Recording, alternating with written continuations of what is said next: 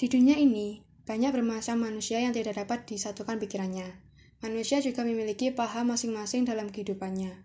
Namun manusia adalah produk terbaik yang dibuat oleh Tuhan untuk merawat alam ini dengan baik. Seperti yang dilakukan para ilmuwan terdahulu, yang mengungkapkan teori evolusinya. Siapa lagi jika bukan Charles Darwin? Namun berbalik pikir dengan pembuktian manusia di zaman modern saat ini. Darwin tidak pernah mengenyam pendidikan formal di bidang biologi. Ia hanya memiliki ketertarikan amatir pada alam dan makhluk hidup. Minat tersebut mendorongnya bergabung secara sukarela dalam ekspedisi pelayaran mengarungi berbagai belahan dunia selama lima tahun. Darwin muda sangat takjub melihat beragam spesies makhluk hidup, terutama jenis burung finch tertentu di Kepulauan Galapagos.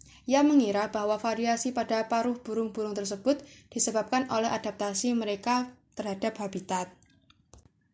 Gagasannya menyatakan bahwa individu-individu yang beradaptasi pada habitat mereka dengan cara terbaik akan menurunkan sifat-sifat mereka kepada generasi berikutnya.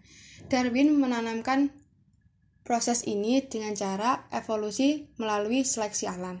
Ia mengira telah menemukan asal-usul spesies Suatu spesies berasal dari spesies lain.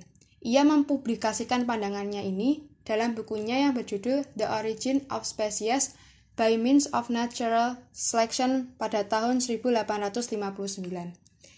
Saat menyusun teorinya, Darwin terkesan oleh para ahli biologis evolusionis sebelumnya, terutama seorang ahli biologi Prancis Lamarck. Menurut Lamarck, Makhluk hidup mewariskan ciri-ciri yang mereka dapatkan selama hidupnya dari satu generasi ke generasi berikutnya, sehingga terjadilah evolusi.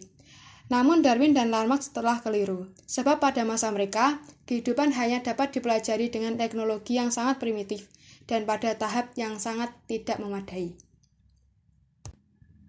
Teori Darwin jatuh terpuruk dalam krisis karena hukum-hukum genetika ditemukan pada perempat pertama pada abad ke-20. Meskipun demikian, kelompok ilmuwan yang bertekad bulat tetap setia kepada Darwin. Gagasan mereka kali ini adalah mutasi acak.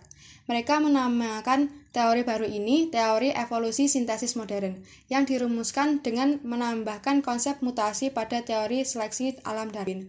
Dalam suatu waktu singkat, teori ini dikenal sebagai neo-darwinisme dan mereka yang menemukan disebut neo-darwinis.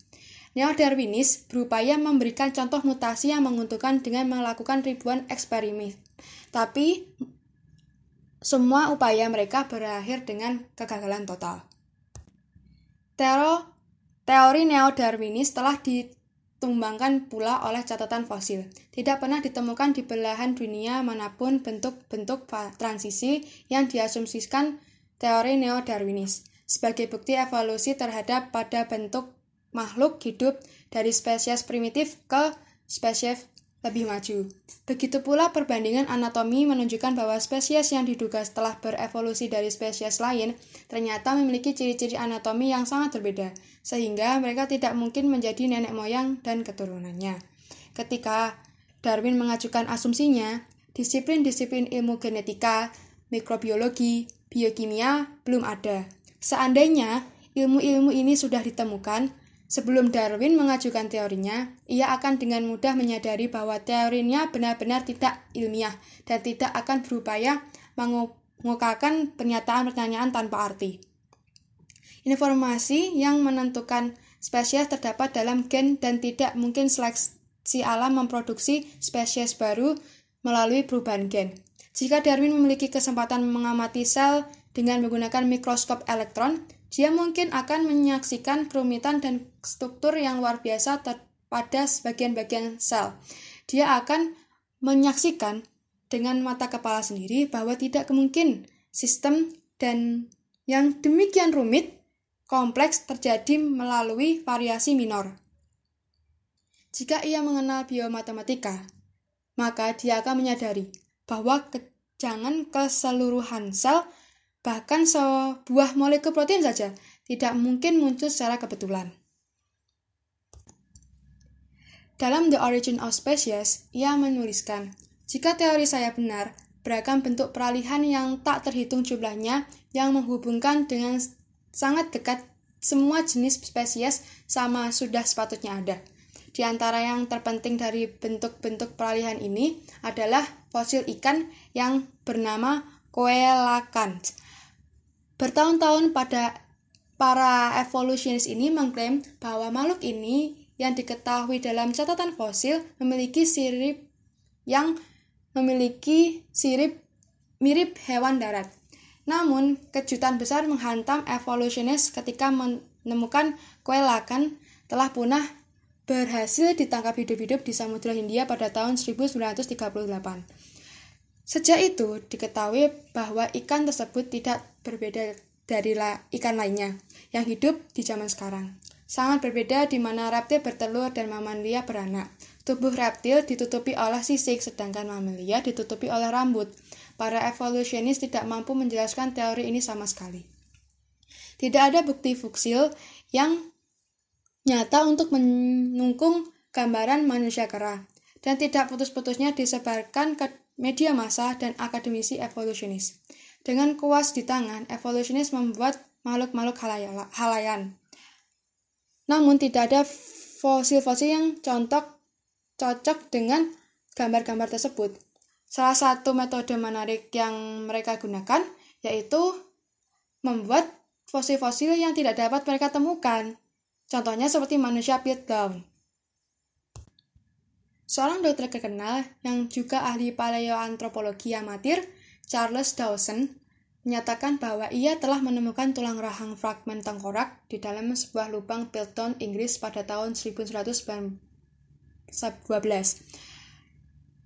tulang lahan tersebut memiliki uh, tulang rahang kera, tetapi gigi dan tengkoraknya memiliki bentuk seperti manusia. Spesies ini dinamakan manusia Piltdown.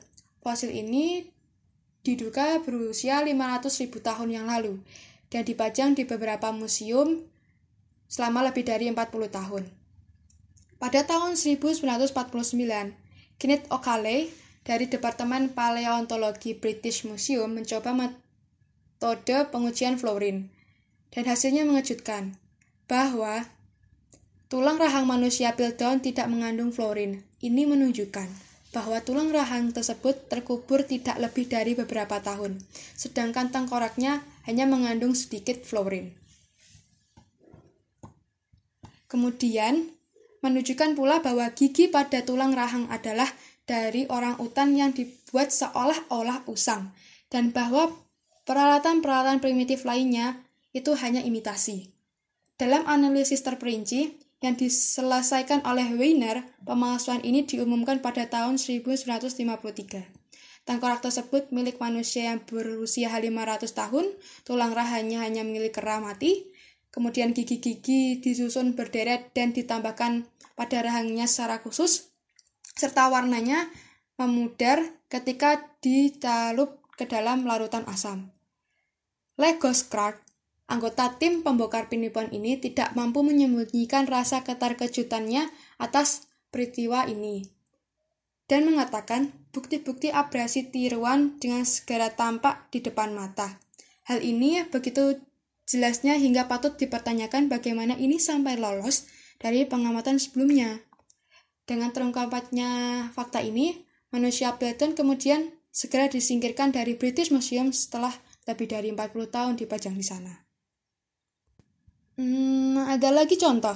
Lapisan batuan Kambrium yang berumur sekitar 600 juta tahun adalah lapisan tertua di mana kita menemukan sebagian besar kelompok utama invertebrata.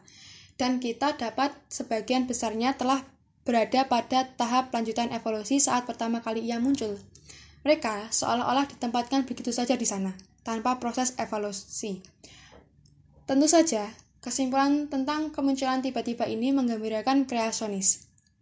Darwin terpaksa mengakui ledakan Kambrium adalah bukti kuat adanya penciptaan, karena penciptaan adalah salah satunya penjelasan mengenai kemunculan bentuk-bentuk kehidupan yang sempurna secara tiba-tiba di bumi ini. Douglas Fukuyama, ahli biologi evolusionis terkemuka, mengakui bahwa fakta ini dan mengatakan organisme muncul di muka bumi dengan dua kemungkinan. Yang pertama, salah sempurna, dan yang kedua, tidak sempurna. Jika dalam bentuk tidak sempurna, maka mereka pasti telah berkembang dari spesies yang telah ada sebelumnya melalui proses modifikasi. Jika memang mereka muncul secara uh, berkembang sempurna, mereka pasti telah diciptakan oleh suatu kecerdasan yang luar biasa. Darwin sendiri menyadari kemungkinan ini ketika menulis jika banyak spesies benar-benar muncul dalam kehidupan secara serempak dari genera atau famili-famili yang sama, fakta ini akan berakibat fatal bagi teori penurunan dengan modifikasi perlahan-lahan melalui seleksi alam. Agaknya, periode Cambrium ini merupakan pukulan mematikan bagi Darwin. Inilah yang membuat seorang ahli paleoantropologi evolusionis dari Swiss, Stefan Bengtson, mengakui ketiadaan mata rantai transisi saat ia menjelaskan tentang periode Cambrium. Ia menyatakan peristiwa yang mengecewakan dan memalukan bagi Darwin ini masih membingungkan bagi kami. Seperti yang kita pahami, catatan fosil menunjukkan bahwa makhluk hidup tidak berevolusi dari bentuk primitif ke bentuk yang lebih maju tetapi muncul secara tiba-tiba dalam keadaan sempurna. Ringkasnya, makhluk hidup tidak muncul melalui evolusi, tetapi penciptaan. Berikut ini adalah rangkuman dari pembahasan sejauh ini, yaitu yang pertama, teori evolusi telah runtuh. Sejak langkah pertama, teori evolusi telah gagal. Buktinya, evolusinya tidak dapat menjelaskan proses pembentukan suatu protein pun baik hukum probabilitas maupun hukum fisika dan kimia tidak memberikan peluang sama sekali bagi pembentukan kehidupan secara kebetulan. Bila satu protein saja tidak dapat membentuk secara kebetulan, apakah masuk akal jika jutaan protein menyatukan diri membentuk sel, lalu membentuk ikan, ikan beralih ke darat, menjadi reptil, akhirnya menjadi burung? Begitulah cara jutaan spesies di bumi ini terbentuk, kan tidak? Yang kedua, di mana masa yang akan mendatang tidak dapat membuktikan evolusi ini. Menghadapi kenyataan demikian, evolusionis hanya dapat menghibur diri dengan kenyataan bahwa suatu saat nanti, entah bagaimana caranya, ilmu pengetahuan akan menjawab semua dilema ini. Mengharapkan ilmu pengetahuan akan benar-benar e, membuktikan semua pernyataan tidak berdasar dan tidak masuk akal ini adalah hal yang mustahil sampai kapan pun.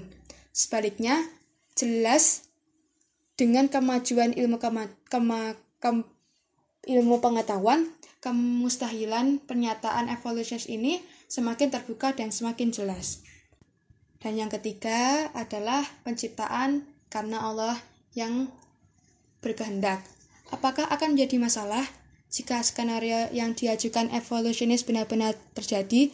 Sedikit pun tidak, karena setiap tahapan yang diajukan teori evolusioner dan berdasarkan konsep kebetulan hanya dapat terjadi karena suatu kejadian. Bahkan tidak kehidupan benar-benar muncul secara berangsur-angkur melalui tahapan-tahapan demikian. Masing-masing tahapan hanya dapat dimunculkan oleh suatu jika dikatakan bahwa sebuah molekul protein telah terbentuk pada kondisi atmosfer primitif. Harus diingat bahwa hukum-hukum probabilitas biologi kimia telah menunjukkan bahwa hal itu tidak mungkin terjadi secara kebetulan. Logika serupa berlaku juga pada seluruh hipotesis yang diusulkan oleh evolusionis, misalnya tidak ada bukti paleontologis maupun secara pembenaran fisika, kimia, atau biologi, atau logika yang membuktikan bahwa ikan beralih dari darat menuju ke hewan air akan tetapi jika seseorang membuat pernyataan bahwa ikan merangkak ke darat berubah menjadi reptil, maka dia pun harus menerima keberadaan pencipta yang mampu membuat apa pun yang dikehendakinya dengan hanya menyatakan jadilah. Penjelasan lain untuk kehajaiban semacam itu berarti penyangkalan diri dan pelanggaran atas prinsip-prinsip akal sehat. Terima kasih.